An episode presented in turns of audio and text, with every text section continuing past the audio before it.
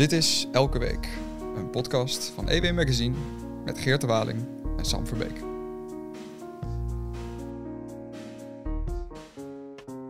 Goedemiddag Geert. Hi Sam. Hoi. Waar, waar, gaan we het deze week over hebben? Ja, uh, een niet zo heel vrolijk onderwerp. Uh, de jeugd is namelijk somber. Ik heb daar een artikel over geschreven in EW deze week um, uh, over de sombere jeugd. En daar wilde ik graag met jou verder over praten. Ik heb daar ook wat mensen over gesproken, wat ge geïnterviewd en daar gaan we straks ook naar luisteren. Maar um, er speelt eigenlijk veel meer rondom dat thema.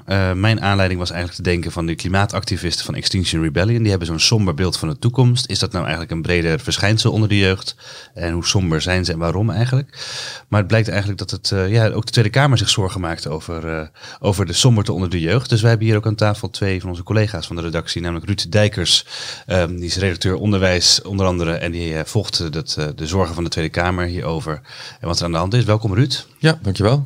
En Roos Verbrug, onze stagiair op de afdeling die heel veel verschillende dingen doet op de redactie van EW, maar ook journalistiek studeert. En welkom Roos. Dankjewel. En je hebt ook zelf misschien als student ook nog wel ervaring met het thema. Hè? Je bent ook met dit soort onderwerpen bezig. Dus uh, meng je graag in het gesprek. Um, ja, want uh, toen wij dit aan het voorbereiden waren, ja. toen kwam bij mij op een gegeven moment het besef dat wij ons misschien allebei nog wel jong voelen, maar het misschien niet echt meer zijn. Ai, ai. Ja. En, en, dat, en, dat, we toen toch even eventjes om ons heen hebben gekeken van, nou ja, het, voordat we het alleen maar gaan hebben over jonge mensen, misschien ook even wat perspectief erbij kunnen krijgen. Met ze praten, dus, ja. we poffen dat Roos hier is. Ik, uh, ik, ho ik, hoop dat we blijven doen in deze podcast alsof, we, alsof we dezelfde leeftijd hebben, Sam. Dat lijkt me een hele goeie.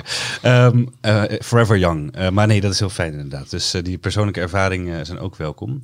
Ja, wat, Ruud, kun jij misschien eerst even uitleggen uh, waar maakt de Tweede Kamer zich zorgen om? Er zou uh, deze week een debat zijn over een ronde tafelgesprek. Dat is uitgesteld naar maart. Um, maar waar maakt de Tweede Kamer zich precies zorgen om? Ja, want uh, nou, nog even terughakend op dat we ons jong voelen. En dan denk ik inderdaad aan mijn eigen studententijd. Dan denk ik, nou, toen viel het toch ook allemaal wel mee met stress en prestatiedruk waar het allemaal over gaat. Of mentale problemen. Um, en dat is natuurlijk een valkuil. Ik ben zelf 42. Uh, dat je er wat vanaf staat, uh, misschien. Dat, dat je denkt van is het probleem nu wel zo groot? Maar in de tussentijd is er blijkbaar wel wat veranderd. En dat is dus ook iets wat uh, de Tweede Kamer nu uh, toch ook wel ziet. Dus je zou denken, jongeren hebben altijd kopzorgen, maken ja. zich altijd zorgen over de toekomst. Is toch iets van alle tijden. Zijn onzeker. Hè? Hoort heb, bij de leeftijd. Ik heb in mijn artikel komen straks ook nog over te spreken, met de jaren 70 en 80 ook benoemd. Hè? De bom valt, uh, ja. de verloren generatie, werkloosheid. Werk, werkloosheid is nu geen thema, maar wel bijvoorbeeld de huizenmarkt. Kan ik ooit nog wel een huis kopen? Dat soort thema's. Daar maken de jongeren zich altijd zorgen om. Dacht, ja, dacht precies. Het is gewoon anders nu. Dat het echt hoort bij de leeftijd. Maar goed, dat, dat, dat valt dus wat tegen. Als je kijkt naar de cijfers. Uh, want die laten toch echt wel zien dat er nu dat er echt wat gaande is. Uh, en als we dan specifiek kijken naar studenten. Uh, dat is een kwetsbare groep. Uh, dat, dat, heeft ook wel te maken inderdaad met hun leeftijd en ook met bepaalde stappen die ze zetten in hun, uh, in hun leven. bijvoorbeeld de overgang van de middelbare school naar een studentenstad, wat toch altijd al wel wat stress met zich meebrengt. Ja. Maar nu blijkt uit bijvoorbeeld een rapport van de RIVM en het Trimpels Instituut en de GGD GOR organisaties in Nederland. Ja. Nou, dat 51% van de studenten psychische klachten heeft. En denk aan angst, somberheid, dat soort zaken. 51 procent. Ja, meerderheid. Dat is ruim de helft. Ja. Ruim de helft. En dat is, dit, is, dit is niet zomaar een klein uh, onderzoek. Hè? Want we hebben 28.000 studenten, ja, studenten hebben een enquête ingevuld. Precies, het is een representatieve steekproef, uh, duidelijk. 28.000 studenten. Ja. Uh, er moet wel bij opgemerkt worden. En dat is vaak natuurlijk bij dit soort rapporten. Die zijn niet zomaar in een dag geschreven en uitgewerkt. Nee. Dit is een onderzoek die uitgevoerd is in... Uh, of dat uitgevoerd is in coronatijd. Ah, ja, en ja. dat was natuurlijk wel een tijd, we zijn het misschien uh, alweer wat dat vergeten. Het was een sombere tijd. En studenten die stonden toen ook veel uh, in de schijnwerpers wat betreft dit thema. Ja, maar dit, was wel, dit was wel de derde golf ook. Ja. Dus dat kan of zijn dat je aan het einde van je Latijn zit. Of uh, dat het misschien dat het toen de regelingen wel iets milder waren. Precies. Dat misschien ook het uitzicht zo weer een beetje terug begon te komen, bedoel je? Ja, dat ja. zou kunnen. Maar je, je wordt ook niet meteen, uh, je krijgt niet meteen psychische klachten van een, uh, van een beetje somberheid. Hè? Dat is psychische klachten is, klinkt wel heftiger dan een beetje down voelen. Ja. Um, maar is het wat ze zelf aangeven? Dus ja, er zijn wat. De, de angst, somberheid valt eronder. Wat is het? Dat zijn dat dat zijn, dat zijn dus wel de dat mensen daar last van hebben. Ja, ja, ja, nog even wel. Het gaat om coronatijd, maar de onderzoekers zagen ook wel dat voor coronatijd bestond het ook al. Het is uh, in die tijd nog extra uitvergroot, versterkt. Maar het probleem is er natuurlijk uh, nog steeds. Dat uh, corona-cliché van het zorgt niet per se voor nieuwe problemen, maar het vergroot bestaande problemen ja, extra uit. Precies. En nou goed, zaken die er die samenhangen met mentale gezondheid. het gaat bijvoorbeeld om stress. 62% van de studenten die ervaart een hoge mate van stress. Veel genoemd tegenwoordig. Prestatiedruk ja. 54% van de studenten, meer dan de helft, die ervaart die druk uh, om te presteren. De vraag is, komt die druk van buitenaf? Komt die van de studie? Komt het van de ouders misschien? Of komt het uit hunzelf? Nou, het komt grotendeels ook uit hunzelf. Zij voelen die verplichting om te moeten presteren. Is, is aan hun gevraagd. Bredere cultuur, denk ik, hè, waar je dan in, uh, in zit. Roosje knikt al een beetje mee. Heb je hier, herken je dit bij jezelf bijvoorbeeld, bij je omgeving? Sowieso heel erg in mijn omgeving. Uh, veel mensen die tijdens corona uh, ja, de motivatie kwijt waren, wat denk ik grotendeels van stress uh, vandaan kwam. ze voelden een hoge druk vanuit omgeving, studielast. Um, de, de, situaties zijn allemaal niet meer zoals het leuk was, zoals het vroeger was. En dan ga je toch ook aan jezelf wijten van doe ik het fout? Hoe moet ik het doen? En als je dat in je omgeving alleen maar nog meer ziet, dan bevestigt dat ook je eigen gevoel, denk ik.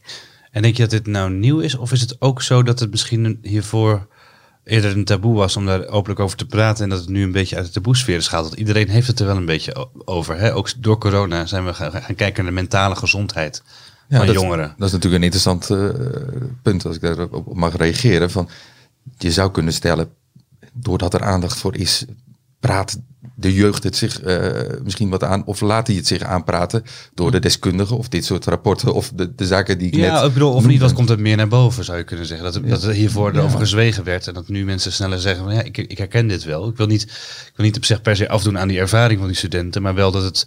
Ik herken dat, ik ben zelf 36, als we toch even de leeftijd noemen. Uh, en ik, ik, heb dus, uh, wat is het nou, 15 jaar geleden studeerde ik.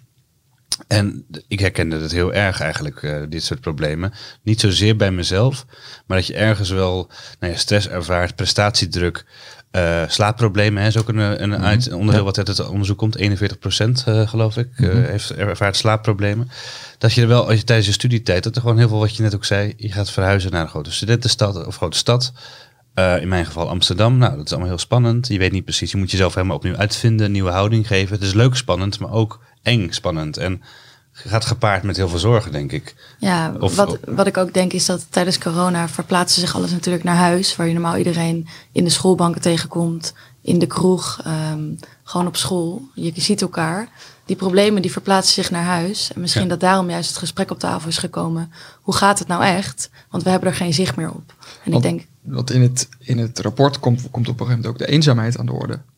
Die is wel schrikbarend hoog. In, in, in ja, eenzaamheid is echt een ding, hè? Ja, dus de, ik geloof dat, het, dat het neerkwam op 80% van de deelnemende studenten zich eenzaam voelen. Bijna 80% daarvan, eenzaam. Daarvan denk ik wel van, daar moet ik al een kluif corona ook tussen gezeten hebben. Ja. Dit, dit is natuurlijk eh, typisch uh, het zoeken inderdaad van een, eh, een oorzaak op basis van, van cijfers. Inderdaad, van, van hoe kan het nou dat zij die stress uh, ondervinden? Overigens ook nog een, een cijfer.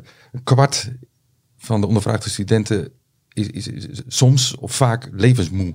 He, dus zo van, ik hoef niet meer wakker te worden. Ja, nu nou, Ja, tenminste, dat was in coronatijd. Maar ja. uh, het gaat echt om iets. Uh, ja. En uh, we kunnen zeggen van, ehm, het was voorheen misschien niet zichtbaar. Het, wordt, het, is nu zichtbaar geworden door beter onderzoek. Nou, deze onderzoeken worden vaker en dus ook wel voor coronatijd uitgevoerd. En feit is dat het dus wel ja.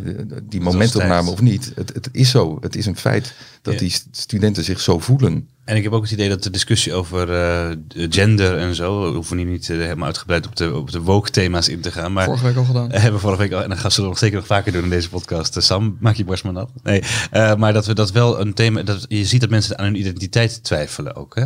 Ja. Dat ze mensen moeite hebben om hun identiteit, of twijfelen, maar dat ze bezig zijn met het, met het uitvinden van wie, wie ben ik. En daar, daar, daar krijg je heel veel fundamentele vragen over jezelf. Ja.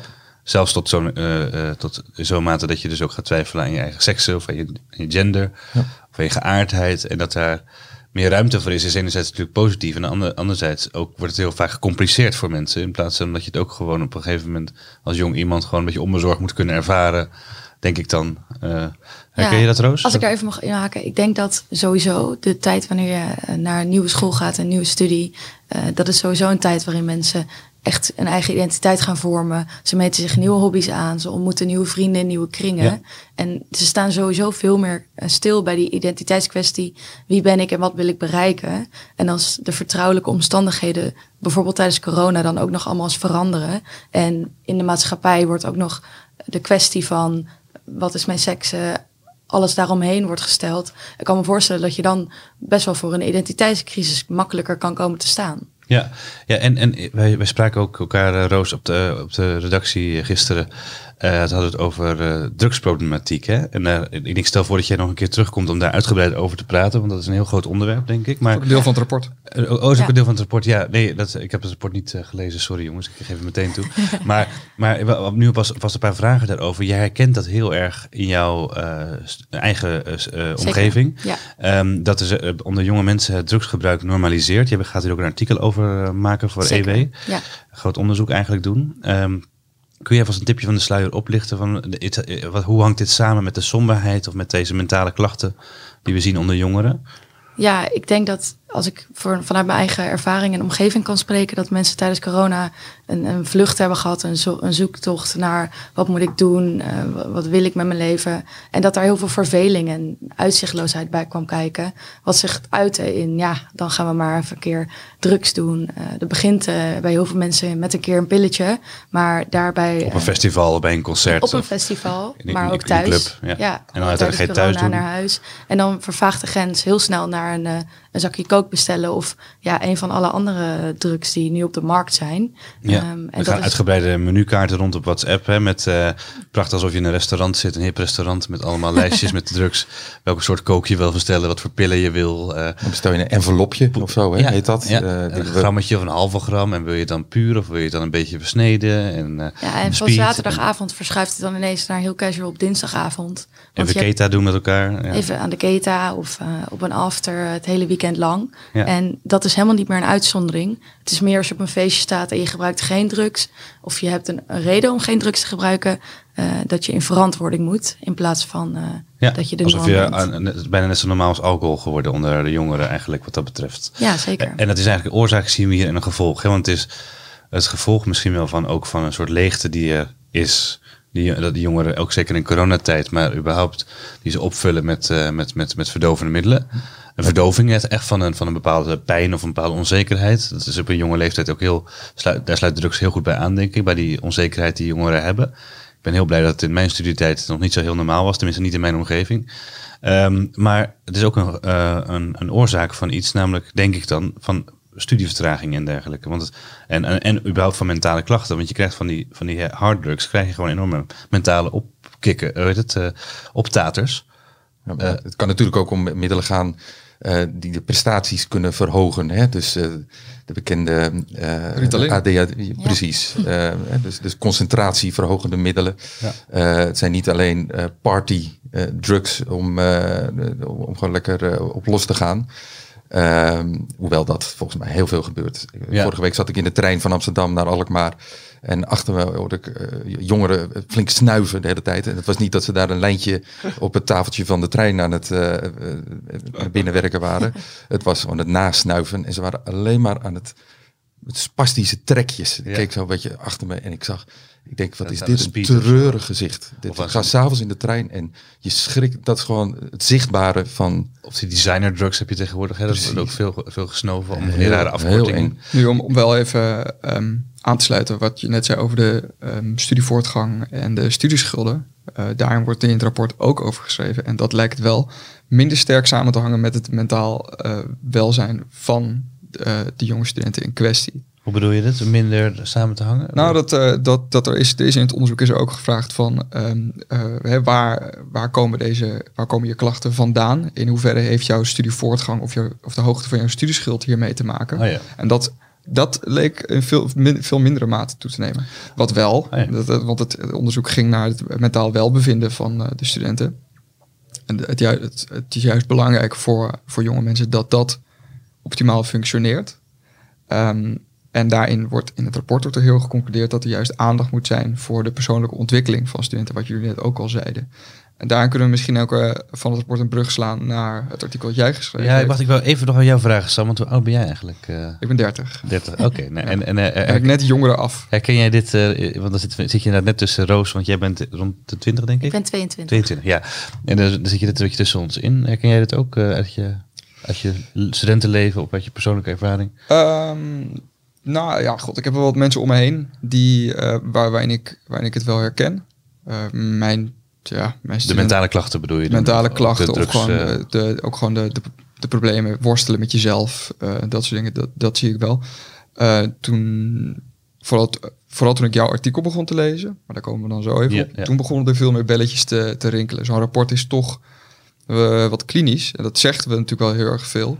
Um, maar als een aantal filosofen kunnen, soms dingen zo goed zeggen, uh, dat, het, uh, ja, dat het dan opeens een feest van herkenning wordt. Ja, misschien moeten we daar die brug maar gaan slaan. Want uh, ik vertelde al aan het begin, ik heb het artikel geschreven met het idee van die mensen van Extinction Rebellion. Die zaten daar op die A12, op die zaterdag onlangs de, de weg te blokkeren. En schreef daar ook een column over dat ik eigenlijk vond dat het geen demonstratie is, maar vandalisme en zo. Maar ik dacht wel, ja, er zit wel een verhaal achter. Want die mensen hebben wel echt Extinction Rebellion. Hè? Dus het is de, de uitroeiing eigenlijk zit daarin. Uh, het uitsterven misschien wel van de mensheid of van de, van, de, van de aarde zoals we die kennen. En er zit gewoon een hele heel dom uh, uh, doembeeld, geen dom, maar een, dat, dat, daar oordeel ik niet over, maar wel een doembeeld bij. een doemscenario van wij hebben geen toekomst, de aarde heeft geen toekomst, de mensheid. En ook dacht ik, hangt het samen met het twijfel over de eigen toekomst. En dat is die, die, die twijfel. En toen ging ik denken, het is dit jaar 40 jaar geleden dat er in Den Haag de grootste in oktober is dat de grootste ma uh, manifestatie ooit is gehouden. De demonstratie tegen de uh, kruis, tegen de uh, anti-kernwapens. Dus tegen de kernwapens, pardon, in, de, in 1983. Ja, Hollanditis. Ja, ja en, en 550.000 mensen bij elkaar op Malieveld. Echt uh, gigantisch. Uh, en dat was dus die generatie van Doe maar, van de bom. Hè? En toen dacht ik, dat was ook een generatie, zoals ik al eerder zei, de verloren generatie voelde die zich. eigenlijk een verwijzing naar de generatie in de jaren twintig, die de Eerste Wereldoorlog hadden meegemaakt als jongeren en die eigenlijk geen toekomst zagen. Maar in de jaren 70, 80 zeker ook. nou ja, werkloosheid, krap, krap op, op, de, op de huizenmarkt, woningnood. Enfin, dus ik dacht, misschien zit daar wel een bruggetje. En ik vroeg uh, aan een paar mensen, uh, heb ik hier een paar experts heb ik opgebeld. En uh, ben ik ook naartoe gegaan en heb ik vragen gesteld. En ik sprak onder andere met Esther van Venema. Zij is psychiater. Zij heeft een boek geschreven over het verlaten individu, heet het. En ik vroeg eigenlijk naar haar hoe zij dan Extinction Rebellion ziet in die tijd. En of ze dat ook of ze herkenning heeft met, met, met de eerdere generaties die zich nou ja, verloren voelden. Um, en zij had al een paar interessante opmerkingen. Laten we even een, een stukje van haar uh, luisteren. Ja, ik denk dat, dat, er, dat er toch wel wanhopig uh, zoektocht gaande is naar wat dan wel betekenis geeft. En waar wel een stukje zingeving in te ontdekken valt. Want ik denk dat dat, dat, dat consumeren ofwel gestuurd worden op je beloningssysteem als, als een verslaafde in feite. Ja. Um, dat dat ten eerste een, een heel um, zinloos bestaan creëert met, met gevoelens van waardeloosheid en, en leegte die, die akelig zijn en die willen we niet. Um, dus dan kan je nog meer gaan consumeren, maar ja, dan merk je dat dat natuurlijk ook niet helpt. Ergens met elkaar weer kunnen strijden voor de goede zaak. Ja, dat zit volgens mij gewoon in ons groeps-DNA, in ons menselijke groeps-DNA. Uh, dat, we dat, dat we dat ontzettend zoeken. En die, die eenzaam dolende individuen, ja, die voelen zich natuurlijk buitengewoon eenzaam en verlaten en ongemakkelijk. Uh, om, omdat dat niet, ja, dat, dat, dat biedt zo weinig. En dan is een Extinction Rebellion, ja, ik, ik snap het gevoel wel. Dus en mensen, tegelijkertijd is het klimaat natuurlijk ook iets waar wel uh, wat mee moet. Alleen de functie van zo'n groep, van zo'n protestgroep, zal echt op een, op een uh, rationeel niveau zijn van dit is belangrijk om te voorkomen dat. En hopelijk denkt Shell nu eindelijk we gaan het anders doen. Ja. Maar het heeft ook voor de mens als zingevingspunt, uh, heeft, het, heeft het wel een enorme functie ook in tijden van ernstig individualisme. Ja, dus zij, zij kijkt er heel erg naar vanuit het individualisme en dus het consumptiegedrag en uh, de leegte die daarmee komt, uh, ziet zij dit als een uh, behoefte aan zingeving. Um, is dat iets wat, wat hier aan tafel ook wat, wat we herkennen? Of? Ja, nou, een recent onderzoek van NOC en NSF van deze week zelfs. en dat blijkt uit dat, om maar een voorbeeld te noemen, dat jongeren veel minder in groepsverband zijn gaan sporten. Dit klinkt heel banaal Ja, nee. eh, in relatie tot eh, strijden tegen het vergaan van de wereld. Eh, maar het is natuurlijk wel een teken van eh, eh, de individualisering. Eh, de reden die de jongeren noemen, eh, dat is ook weer een enquête dus, eh, dit keer dus NRC Ja. NSF uitvoert, eh, is dat ze zoveel andere verplichtingen hebben. Dat ze het zo druk hebben. Nou, als je dan weer naar andere onderzoeken kijkt, wat- dat zijn heel veel van die verplichtingen. Eh, nou ja, oké, dat kan opleiding, studie, school zijn. En dan kom je weer, ook weer bij die prestatiedruk en nou ja, goede cijfers halen, et cetera. Eh, maar ja, uit onderzoeken blijkt dan ook wel weer van, het is natuurlijk ook veel op de smartphone zitten. Het is op veel Instagram zitten, ja. ja. op Instagram. En eh, ik bedoel, zo hangt het natuurlijk allemaal met elkaar samen. Maar eh, het teken hè, van, van het signaal van er is iets van individualisering Ik bezig. ga wel op mijn eigen moment naar de sportschool eh, of ik ga, hè, ik, ik, ik ga hardlopen of zo. En dat, dat geldt natuurlijk ook voor eh 24-plussers, zullen we maar zeggen. Hè? Dus voor de, Ja. de, de, de- wat oudere jongeren en de ouderen. Eh, maar vooral als je in een jonge levensfase zit, dan ben je ook kwetsbaarder voor alleen zijn. Kwetsbaarder voor het gebrek aan, aan sturing. De, de kant die je op moet lopen. Eh, of of je, Ja. een kant waar je juist tegenaf wil zetten. Doe jij een groepsport, eh, Roos? Eh, nee, ik Kijk, ben, dan ben je zo'n individualistische jongere. Ik ben zo'n super individualistische sportschoolganger. Maar herken je de behoefte aan eh, eh, zingeving eigenlijk, eh, die Esther beschrijft, die dan misschien bij die mensen van Extinction Rebellion op die manier wordt ingevuld, maar die misschien staat voor een bredere behoefte naar zingeving in een lege wereld? Nou ja, dat is wel, dat is wel een goede vraag. Want ik denk dat tegenwoordig iedereen op zoek is naar nieuwe vormen van zingeving. Veel mensen zo- zochten het vroeger bij ja, een religie, geloof hebben Ja. in een, een, een bepaalde levenswijze. En tegenwoordig doen we het allemaal met nou ja, eigenlijk alternatieve wijzen. En ik kan me heel goed voorstellen dat je dan je greep zet aan het redden van een ideologie die voor jou belangrijk is. Omdat je daar eh, je zingeving uit kan halen. Eh, maar dat kan ook in hele andere vormen. Ehm, ja, ik vind dat heel interessant.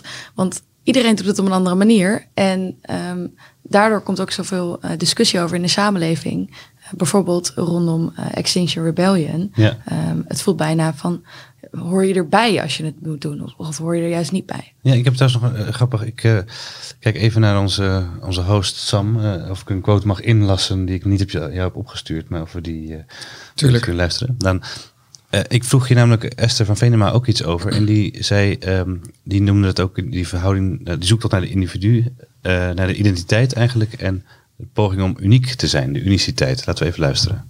Dat, dat vind ik een complexe, omdat je natuurlijk aan de ene kant eh hyper individueel zelfontplooiing, je eigen brand moet zien te worden, terwijl je tegelijkertijd daarmee eigenlijk ook wordt gemanipuleerd vanuit allerlei commerciële belangen en dan, dan ben je categorie X, Y of Z, hè? dus typisch met het knotje leest de Groene Amsterdammer en eet onbespoten spinazie, shakes drinkt. Ehm, dus, dus die uniciteit, die, eh, ja, die komt eigenlijk weer als een soort boemerang, namelijk niet weer bij je terug. Dat je ook weer onderdeel bent van een, van een bepaald verdienmodel misschien wel. Of een, of een, ja, een brand die eh, van buitenaf al bepaald wordt. Dus het zoeken naar ofwel die uniciteit, ofwel toch naar die groepsverbinding. eh, dat, dat speelt denk ik nog steeds wel een belangrijke rol. Ja, ik wil hier wel op reageren. Aan, aan de ene kant is het, er is heel erg een zoektocht naar, je moet je eigen ding doen. Je moet niet op de rest willen lijken. Je moet in een groep eruit springen. Maar ondertussen zitten we toch allemaal, eh, gaan we allemaal naar de Albert Heijn. En we swipen allemaal op dezelfde TikTok-feed. En eh, we kopen allemaal kleren bij de Zara ofwel de, de H&M. Of nou ja, kan ook variëren natuurlijk. Maar uiteindelijk eh, leven we allemaal vrijwel een beetje hetzelfde leven met, met ieder een eigen uitspatting. Dus is de Ja. vraag, zijn we zo uniek? En kan dat überhaupt ook wel? Eigenlijk een vraag die al werd eh, behandeld door Monty Python in Life of Brian. Waarbij je dan een grote net aan denken, ja. volgelingengroep hebt van, Je- van Jezus Christus, die dan niet echt Jezus Christus blijkt te zijn. Maar dan staat een hele grote massa voor zijn huis en dan ro- roept hij, we, are all individuals. en dan roept die hele groep achter We elkaar, are all- we are all individuals. En dan is er eentje die roept, I'm not. Oh, dat, ja. dat is typisch live eh, Monty Python. Maar eh, dat is wel, daar moet ik altijd aan denken bij dit verhaal. Eh, Dat is toch de ironie hè, van het menselijk bestaan. ja, ja, precies. Van de, de, de behoefte aan uniciteit en tegelijkertijd ergens bij horen. Ik zou nog, nog een klein fragment van, van Esther van Venema willen laten horen. Waarin zij namelijk ook ehm, eh, eh, het heeft over het verschil met die, met de jaren 60, 70, 80, waar we dit over hadden, en nu. En ook de behoefte niet alleen aan zingeving, wat ze al zei in dat eerdere fragment, maar ook aan saamhorigheid. En de vraag is natuurlijk, wat, wat is het verschil met de jaren 80 en misschien wel met de jaren 60, 70, waarin uh, uh, natuurlijk de, de, de, de hippie-bewegingen ook veel tractie, uh, op veel tractie mochten rekenen. Hè, dus wat is inderdaad het verschil met, met toen? Um, ik denk dat er ja, veel minder expliciet gezag is ook nu. Hè, dat dat ook maakt Kijk, toen was het natuurlijk heel anarchistisch allemaal. Hè? Dus het soort van verzet tegen je ouderfiguren idee erbij. En het verzet wat nu speelt, of de, het, ik weet niet of het zozeer anarchisme is, of vooral heel veel wantrouwen en die dringende behoefte aan die saamhorigheid weer vorm te geven. Dus, ja, ze zegt eigenlijk twee dingen. Hè? De saamhorigheid, maar daar hadden we het net al een beetje over, maar ook wantrouwen in een soort gezag in, uh, in de instituties en in de waarheid eigenlijk. Is dat uh, iets, Ruud, jij herkent, herkent het? Nou ja, wat, wat de, de, de vraag die het bij mij toch wel oproept is, het, ik bedoel, geldt dit wel voor iedereen. Hè? Ik bedoel, als we kijken naar uh, misschien plattelandsgemeenschappen, uh, uh, jongeren die gewoon hard aan het werk zijn in een bedrijf, op, op, het land of waar dan ook, hebben die deze problemen ook. En dit doet me ook denken, vooral hè, omdat zij, het is een, ze maakt een vergelijking met eerdere perioden. ik heb wel eens gedacht van, ervan gedroomd, misschien in mijn studententijd, was het allemaal maar wat kon ik maar eens in een tijdmachine stappen en naar het eind van de jaren 60 of begin jaren 70 stappen. En eens om me heen kijken, hoe was dat met al die hippies, de kleren die ze droegen. En je er goed in passen, denk ik, uh, Ruud. Dat zou ja, passen. Oké, ja. En in die tijd had ik ook nog bakkenbaarden. Dus ik voelde me helemaal thuis eigenlijk ook hè, bij die bloemetjes, muziek. Bloemetjeshemden. Ja, nou, dat, nee, dat dan nog. Jefferson Airplane luisteren. En, dat dan weer wel. Ja, oh ja. Uh, maar goed, ik, ik, ik, had zoiets van, ja, want als je dan door mijn geboortedorp gelopen zou hebben, dacht ik, dan zou je dus al die mensen in die, in die, in die kleurrijke kleren uh, zien lopen, die zich ook allemaal heel druk maakten over, uh, nou ja, toen ook al wel de, de, de, vorige, de vorige generatie en de, de, de, fouten die ze gemaakt hadden, of de dingen die ze misschien nagelaten hadden natuurlijk in, in, in hun jeugd. Um, maar toen vroeg ik het aan een familielid die het meegemaakt had, die tijd. Die zei, nee hoor, dat was iets voor Amsterdam. Dat was iets, die demonstraties, die zag je misschien wel. Of die las je, daar las je over in de krant. Of in het tijdschrift dat we lazen. De, van, van, van, die, van, die, van die typische popladen die je toen had. Maar ja, bij ons in het dorp, joh, daar hield niemand zich mee bezig. En, en dat, dat roept me, dat, dat, dat vraagt me bij dit soort dingen ook af. Die samenhorigheid. Ja. ja. Grappig dat je dat zegt, want ik wilde net ook een mooi bruggetje naar, naar, naar ik heb met Maarten Boudry ook even gespro gesproken. En Maarten Boudry is filosoof uh, wetenschapsfilosoof, Universiteit Gent. is Vlaming. En hij heeft een boek geschreven, on, verschillende boeken over dit onderwerp, maar ook over het klimaatprobleem en waarom de wereld niet vergaat. En uh, hij heeft het precies over dit wat jij nu zegt, uh, Ruud. Namelijk dat het niet over alle jongeren geldt. Er is wel zoiets als um, uh, klimaatdepressie, ook echt in de klinische zin. En dus uh, de medische of psychiatrische associaties, die, die waarschuwen daar steeds meer voor. Dus dat um, jongeren echt zodanig bevangen kunnen worden door die doembeelden, dat ze bijvoorbeeld uh, geen kinderen meer op de wereld willen zetten, dat, omdat ze geloven dat, dat die toch geen toekomst meer hebben. En dat ze zichzelf ook echt in een depressie storten. Dat ze echt nachtmerries krijgen, dat ze angst, angstvisioenen hebben over het einde van de wereld. Um, en ik denk dat we dat niet mogen onderschatten. Maar ten eerste denk ik dat er ook oudere mensen vatbaar zijn voor klimaatdoem.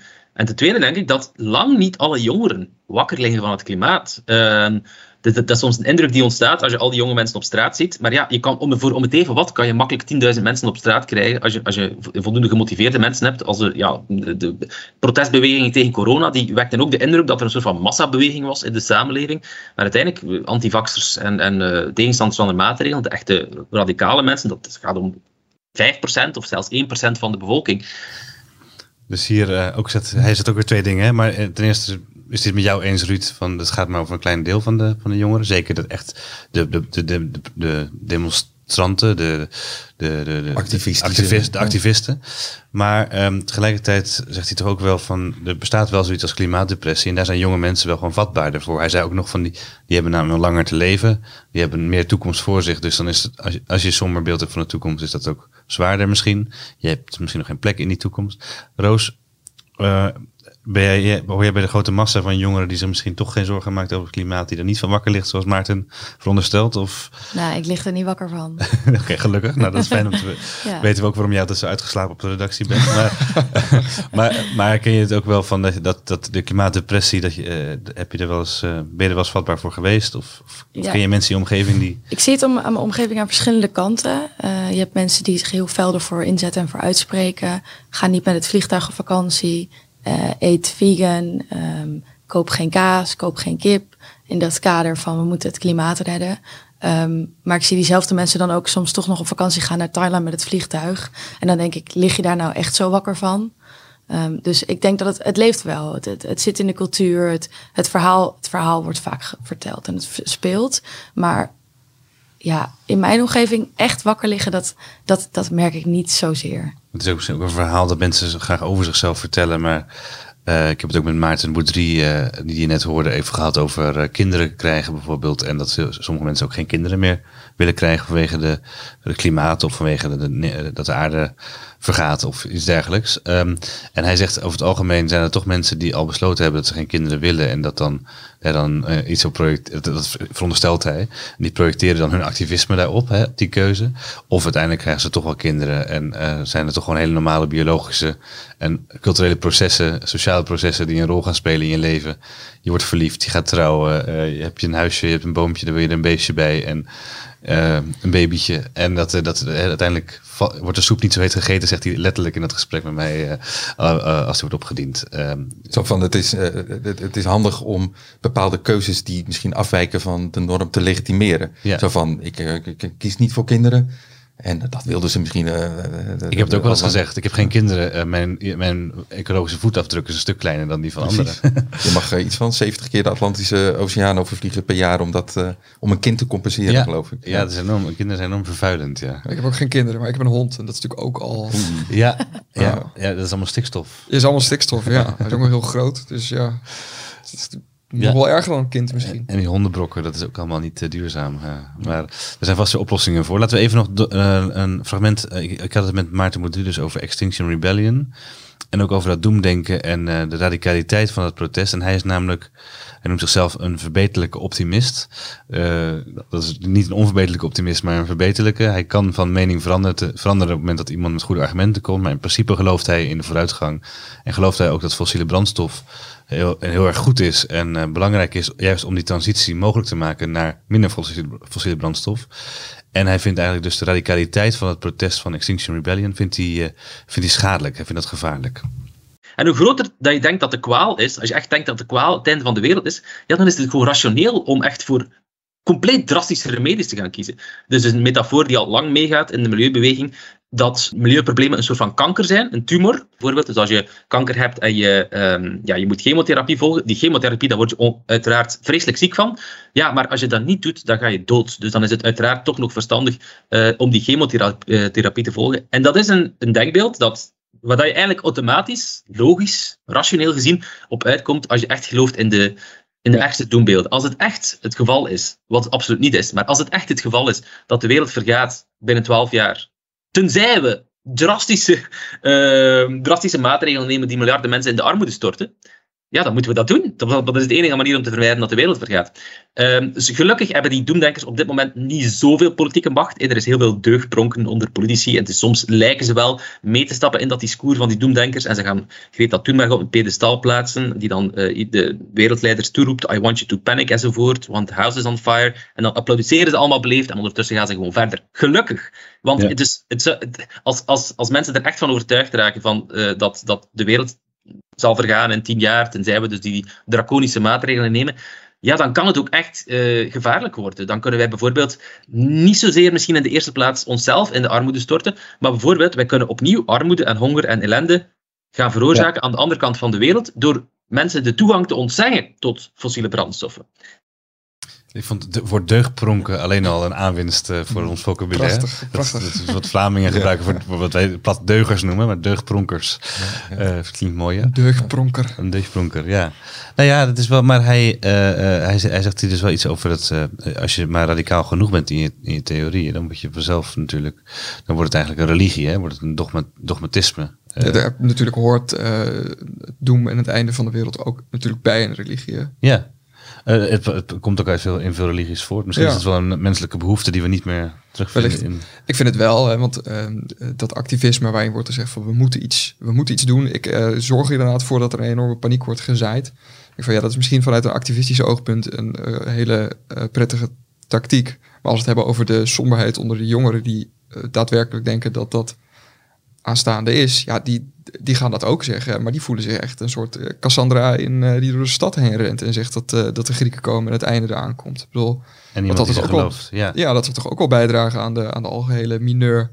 Dat heb je ook met die film Don't Look Up. Hè? Die, was, dat was een beetje Ja. de teneur van er komt een, eh, Komeet. een komeet op aarde af. En iedereen ging er maar over praten dat het ongezellig Het was een ongezellig onderwerp voor de talkshows. En nou oké, er mocht wel even kort tussendoor. Maar dan moesten er grapjes over gemaakt worden. En die wetenschappers zitten er echt. Maar het gaat echt gebeuren. De aarde gaat echt Ja. eraan. En niemand wil luisteren. En dat wordt dan geva- vaak gebruikt als metafoor voor die klimaatdiscussie. Maar ergens klopt dat natuurlijk niet. Omdat die komeet is eenmalig, één evenement. Dat, ge- dat gaat gebeuren. Terwijl de klimaatdiscussie is een sluipend probleem. En ehm, eh, wat, wat eigenlijk de, de rest van ons leven bij ons zal zijn. Ehm, en ja, ik, ik vond wat dat betreft ook. eh, Ik, ik had nog behoefte aan wat meer filosofische duiding. Dus ik ben met een oud docent van mij gaan praten, Maarten Kolen. ehm, eh, een filosoof aan de UVA eh, hier in Amsterdam. En hij gaf het vak reflexieve moderniteit. Dat volgde ik bij hem. Dat heeft hij 15 of 20 jaar lang gegeven. Dat was een heel boeiend, heel ingewikkeld vak. Waarbij hij eigenlijk probeerde te duiden hoe de moderniteit in ons leven werkt. En de moderniteit bijt zichzelf steeds in de staart. Want we, we bedenken steeds weer oplossingen voor problemen die we zelf hebben gecreëerd. En die oplossingen hebben weer neveneffecten. Die, en die moeten we ook weer zien te managen. En zo komen we er eigenlijk niet meer uit.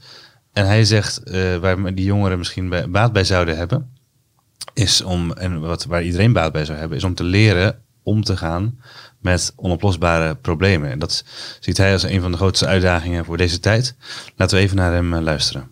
Maar dat, wat ik dus als achterliggend probleem vind, hè, is inderdaad de vormen van eigen identiteit en dat dat niet meer lukt op de voor de hand liggende manieren. Het achterliggende probleem is eigenlijk dat, dat we voor problemen staan in onze tijd die geen antwoord meer hebben. En dat is niet alleen maar zo dat mensen dat zo beleven, of psychologisch zo is, hè, maar het is in feite ook zo. Het klimaatprobleem is niet op te lossen. En dat, is, eh, dat moet een deel van ons leven worden. En zo zijn er een heleboel kwesties die een, een deel van het leven moeten worden. En wat ik in het college, waar je bij was, misschien benadrukt dat meer als. eh, we moeten een manier vinden in onze samenleving om met open kwesties te leven. En de tijd terug Met over problemen. over problemen, ja. Dus die, die niet opgelost kunnen worden. Ja, maar ook, ook, dus, ook bijvoorbeeld vragen naar wat waardevol is. Van, het is niet alleen maar dat er problemen zijn die, niet, die beant- daar geen oplossing voor is, maar ook allerlei vragen over de betekenis van het leven. Hè. Eh, die vraag kan niet meer beantwoord worden. We moeten een manier van leven vinden waarin we dat antwoord niet zullen vinden. Het is wat hoog filosofisch, maar krijg ik iedereen mee hier aan tafel? Ja, zeker. Roos, herken je dit? Ik, ik, ik herken het zeker in mensen die eh, in mijn omgeving gewoon gestopt zijn met het nieuws eh, volgen. Eh, liever enigszins onwetendheid dan er echt mee eh, moeten lastiggevallen worden.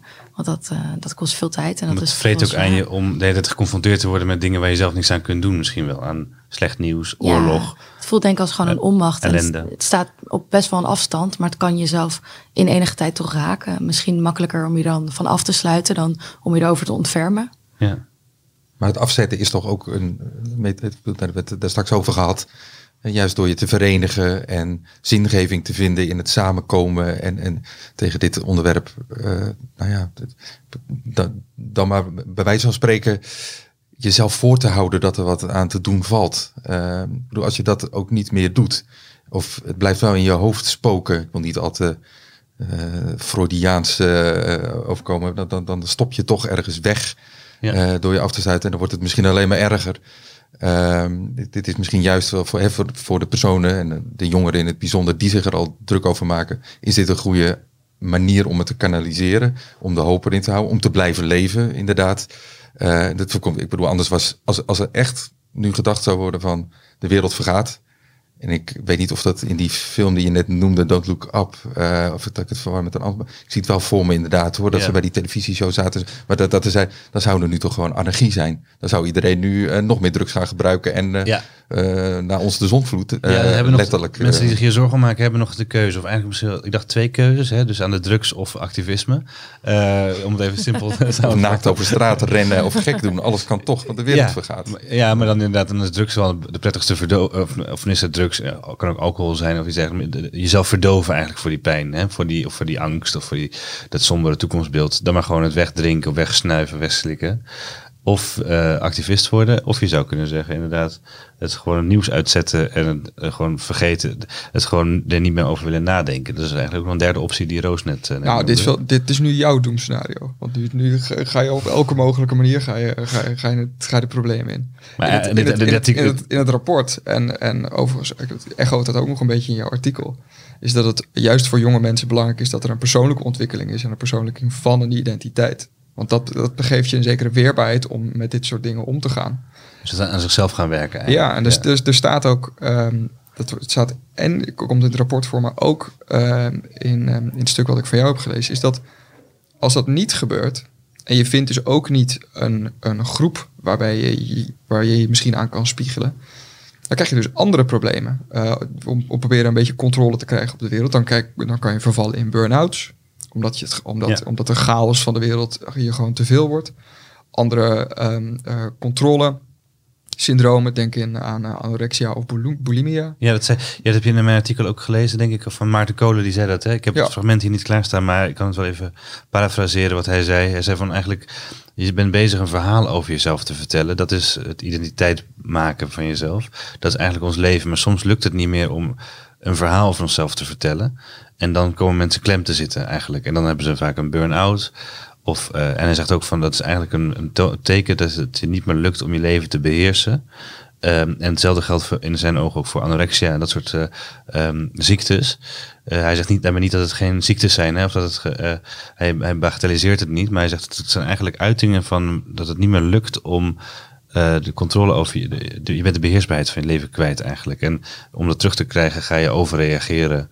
Ehm dus het is een soort filosofische duiding van een psychische klacht, maar van een psychische eh, eh, sym- symptoom. Maar je kan het wel inderdaad wat psychologisch eh, Ja. in, in die zin zeggen. Er ligt natuurlijk ook best wel veel verantwoordelijkheid bij de individuele nou ja, jongeren in het bijzonder, maar eigenlijk bij ieder individu nu.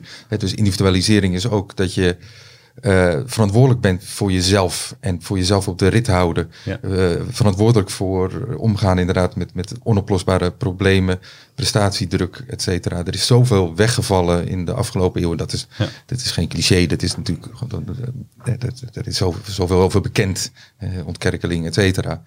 Het, het is ook best wel moeilijk. Het, het, het- Ja, dat is misschien wel eigenlijk- moeilijker. Gaan zo langzamerhand naar het einde toe, denk ik. Maar ik wil het nog even over één thema hebben, misschien ook met Roos. Ehm, en namelijk het eh, thema van dat je een voorbeeld moet hebben of een, eh, iemand die je voorleeft, zeg maar, die je, die, je, die je kunt naleven, dat we dat misschien missen. Daar kom ik dan zo op terug. Maar ik had nog één fragment van het uitgesprek met Maarten Kolen. En dat sluit weer aan op wat Ruud net eh, zei, eigenlijk. ehm, dat die activisten eh, ehm, van Extinction Rebellion, dat die eigenlijk nou in zijn ogen uiting geven aan die somberte. Dus hij kijkt eigenlijk wat positiever naar, naar het fenomeen van het klimaatactivisme. Luister maar.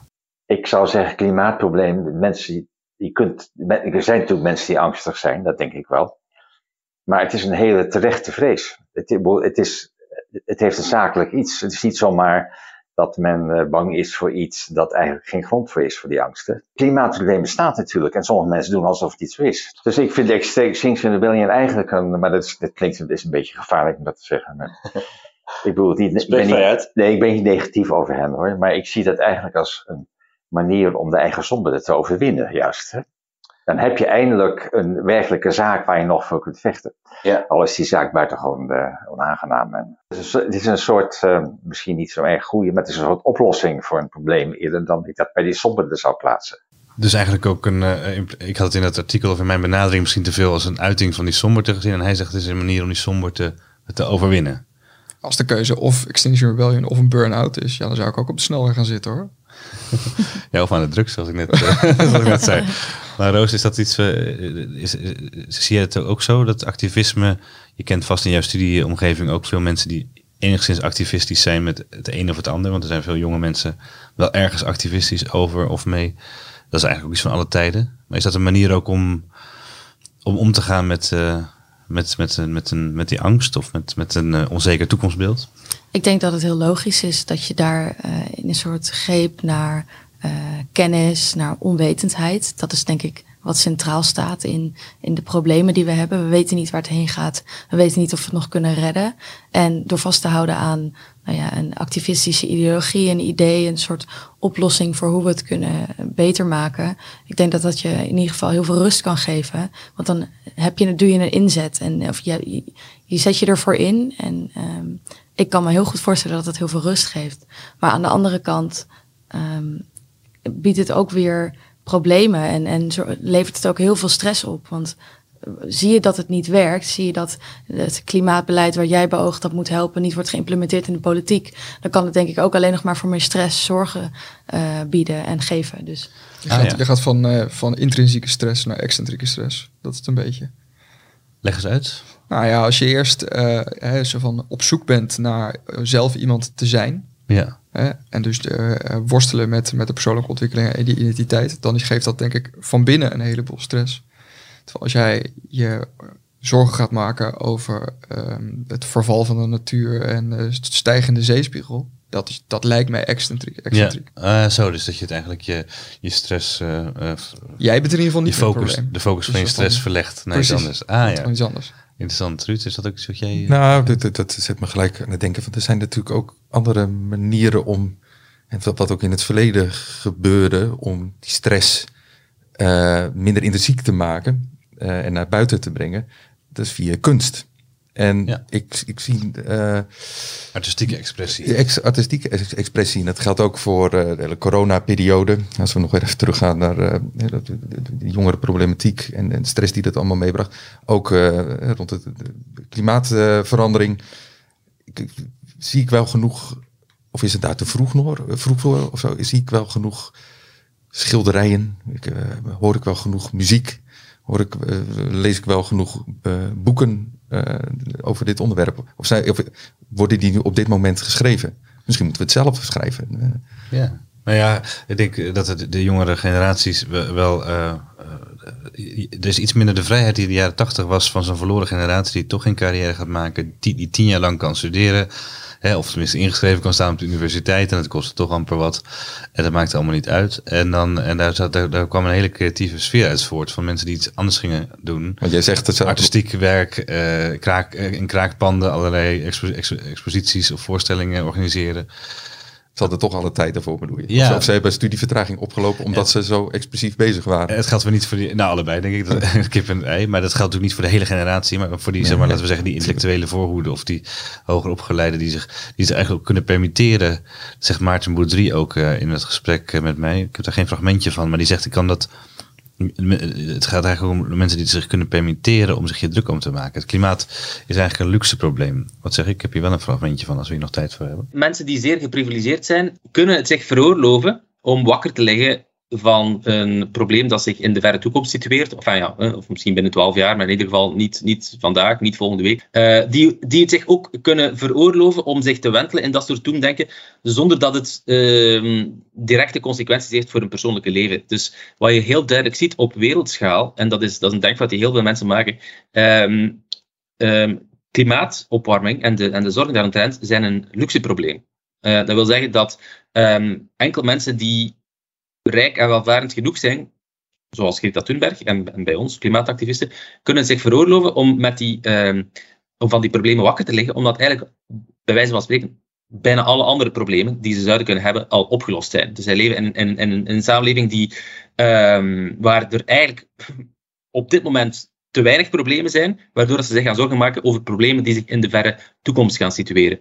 Maarten Boudry zegt eigenlijk hier, het is een luxe probleem. Eh, Ik zie Ruud een beetje Ja, dat is als, perplex kijken. als je dat aan eh, studenten nu zou zeggen, dan, eh, dan, Krijg je rotte, rotte eieren naar je hoofd. dan krijg je wat eh eieren. Dan, eh, Maar goed, zorgt niet voor een veilig klimaat. We hebben een student aan tafel, maar die is volgens mij wat minder activistisch inge- ingesteld, Roos. Snap je wat hij bedoelt? Ik denk dat ik wel begrijp waar het vandaan komt. Want als, als we ons nog druk maakten om ehm, ja, bestaan, zulke, zulke kwesties, gewoon in het nu, Ehm, Om honger of om eh, honger, kou. Of, een, eh, onderdak, ja. eh, veiligheid. We, we hebben hier niet heel veel politieke achtervolging. We kunnen zeggen wat we denken. We kunnen zijn wie we zijn tot dat punt. En dat, dat wordt ook heel erg ge- ge- gestimuleerd in de samenleving op het moment. Ja, dan komt daarna inderdaad de kwestie van wa- wat over wat in de toekomst. Dus ik kan me voorstellen dat, dat hij dat zo duidt. Maar inderdaad, eh, hij moet oppassen dat hij het niet voor een volle collegezaal zegt. Nee, precies. Maar dit, wat de, de waarheid natuurlijk wel is, of wat, wat mij betreft de waarheid is, is dat het is zo'n complex probleem als het gaat om klimaatverandering. Het is een, een, een, een systeem wat zich moeilijk laat eh, voorspellen. Het is een wereldomvattend iets met zoveel factoren die samenhangen. Eh, en daardoor zo buiten je dagelijkse levenssfeer. Je wordt er niet direct door geraakt. Of het moet dan zijn dat je denkt van het is nu warmer en het wordt, eh, we kunnen niet schaatsen. Dus nou, dat is een, een teken. En dat is ook typisch iets volgens mij van, van eh, groepen die zich kunnen permitteren in tijd, maar ook die zich daarvoor interesseren. Bijvoorbeeld omdat ze op een universiteit of een hogeschool daartoe aangezet worden, kunnen permitteren of zichzelf daar de ruimte voor geven om daarover na te denken. En mensen die, die, die vooral bezig zijn met eh, de dingen die zichzelf raken. Hè, dus eh, corona beperkende, beperkende maatregelen of eh, de stijgende prijzen. Die zullen zich daar inderdaad meer op focussen. Dus in die zin heeft hij wel gelijk. Er zijn gewoon ook wel groepen die daar toch wel de ruimte voor hebben. Of die, Ja. die daar ook echt de ruimte voor krijgen om daar zich daarover druk te maken. Oké, en het is eh, een beetje afrondend. eh dan kom ik op het laatste punt. Maar afrondend, we hebben dus het gehad met elkaar over die toch wel aanwezige somberte psychische klachten van jongeren. Ehm, dat heb ik een beetje in het artikel wat in de EW staat, heb ik dat betrokken op het klimaatactivisme en het doen, eh, vooral het, het hebben van een somber toekomstbeeld. Daarvan zegt Esther van Venema, psychiater, van het is inderdaad een zoektocht naar saamhorigheid en naar zingeving eh, in een samenleving van ja, verlaten individuen, zoals hij het in, eh, in haar boek noemt. Ehm, Maarten Boudry kijkt daar iets anders naar. Die ziet het ook activisme, activisme toch ook een beetje als een luxe eh, probleem. En vooral ook als het te radicaal wordt als een gevaarlijke ontwikkeling. En Maarten Kolen die ziet eigenlijk dat hoopt dat mensen meer leren omgaan. Hè, de filosoof van de UvA. Eh, met, eh, met, met juist de onoplosbare problemen en ziet eigenlijk Extinction Rebellion als een vorm om die somberte die er aanwezig is bij jongeren, die hij ook trouwens herkent bij zijn studenten, zei hij, hij is er erg somber over. Hij zegt ook, dus dit zijn jongeren die eigenlijk voor het eerst echt terecht het gevoel hebben dat ze het niet beter gaan krijgen dan hun ouders, denkt hij. Hij zegt, eh, maar het is wel een manier om die somberte te overwinnen, dat activisme. Ehm, zo vat ik een beetje wat we de afgelopen 50 minuten hebben besproken samen. Maar dan een laatste punt wou ik nog vragen als, eh, als het mag van Sam. Eh, aan, aan Roos eh, en ook aan jullie, Ruud en Sam.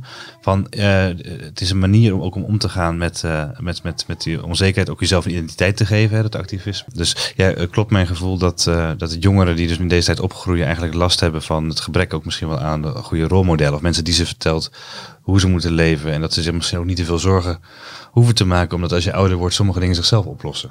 Ja, ik denk dat het voor iedereen heel anders is. Vooral in onze samenleving waar iedereen nou ja, zijn eigen politieke kleur ontwikkelt wanneer die jong is.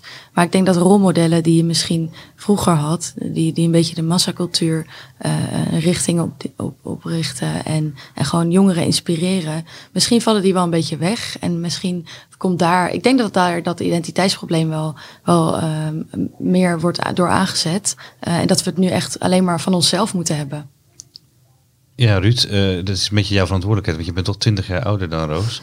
Dus waarom, waarom geef jij niet wat meer eh, richting aan de eh, jongere generatie van nu? Of, of doe je dat wel? Ja, nou, ik, ik denk dat het, dat het natuurlijk ook wel een, een leeftijdskwestie is. Het is voor het eerst dat ik echt nou als een beetje wat, wat ouder inderdaad die rol kan aannemen. Dat is toch ook wel indrukwekkend. Op de redactie van EW ben je een van de jongeren, maar...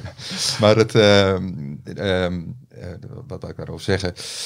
Ik, ik denk dat het wel een unieke periode is, een unieke situatie. Die, die, ik kan me niet indenken dat het eerder voorgekomen is dat jongeren zo elkaars rolmodel zijn, maar ook zo diffuus. Eigenlijk wat Roos in het begin al zei. als je kijkt op, eh, op social media, eh, het is. eh, eh, iedereen is anders en uniek en authentiek. Maar iedereen is zo uniek en authentiek dat iedereen eh, eigenlijk toch ook weer hetzelfde is. Dus We are all individuals. We're all individuals. En ik denk dat dat echt een unieke situatie is. Dat je niet meer één popster of één schrijver of één eh, oudere denker of politicus hebt die volgaat. licht schijnt over de, de donkere weg, maar dat, het een, dat, dat ze naar elkaar kijken. En dat, dat, dat is volgens mij vrij uniek. eh. Daar komt volgens mij ook een beetje de, de, de, de heilige status van mensen als Jordan Peterson en Joe Rogan en zo vandaan. Vooral Jordan Peterson onder jonge jongens die moeite hebben met dit gegeven. Dat ze, ook, ze missen vaak ook een beetje een vaderrol of iemand die ze, een beetje mentor, die ze vertelt van hé, hey, je moet zo leven en dan, eh, dan komt het wel goed. Of dan kun je veel meer uit het leven halen en zo. En dat, die, die duiken allemaal op dat soort figuren. Hè? Op dat soort wijsheden van mensen die dat op internet verspreiden. En soms terecht, maar soms ook eh, onterecht. eh, eh, of, of in gevaarlijke zin. Esther van Venema zei nog tegen mij van dit... Zo'n samenleving met zoveel kwetsbare individuen. Die zijn heel manipuleerbaar ook. En daarmee ook vatbaar voor mensen die kwaad in de zin hebben. Hè? Dus die eigenlijk eh, ehm, eh, ja, ze een gevoel van saamhorigheid geven met verkeerde ideeën, zal ik maar zeggen. Maar dat gebeurt dus massaal nu. Het middelengebruik is natuurlijk. Ik, ik, in, in hoeverre weten ze wat ze, wat ze doen? Wat ze, het, het hele systeem dat erachter. Nou goed, dat is, Roos gaat er een verhaal over schrijven. Dat Wordt vervolgd ook ja. in deze podcast. Ja, ze worden verleid ook natuurlijk met die middelen. Dat wordt in volgehouden. Dus dat is ook een teken van kwetsbaarheid. In zekere zin zou ik zeggen. Het is gewoon een vlucht naar, naar even niet de gedachten hebben waar je altijd mee eh, bezighoudt. Kijk, en eh, met deze woorden, Sam, heb je nog Ja, een nee, laatste, het, laatste eh, wijsheid? Ik geloof dat Roos het eh, een paar minuten geleden goed zei. Eh, in, eh, in Nederland kan je zijn wie je wil zijn.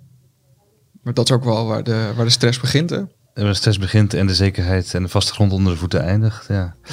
Nou, als je richting en eh, sturing in het leven wil hebben, abonneer je dan op deze podcast en op alles van EW. En luister elke week naar elke week de podcast van EW met Geert en Waling en Sam Verbeek. Roos, Ruud, ik wil jullie erg bedanken. Ja, Geen super. probleem. Ja, bedankt.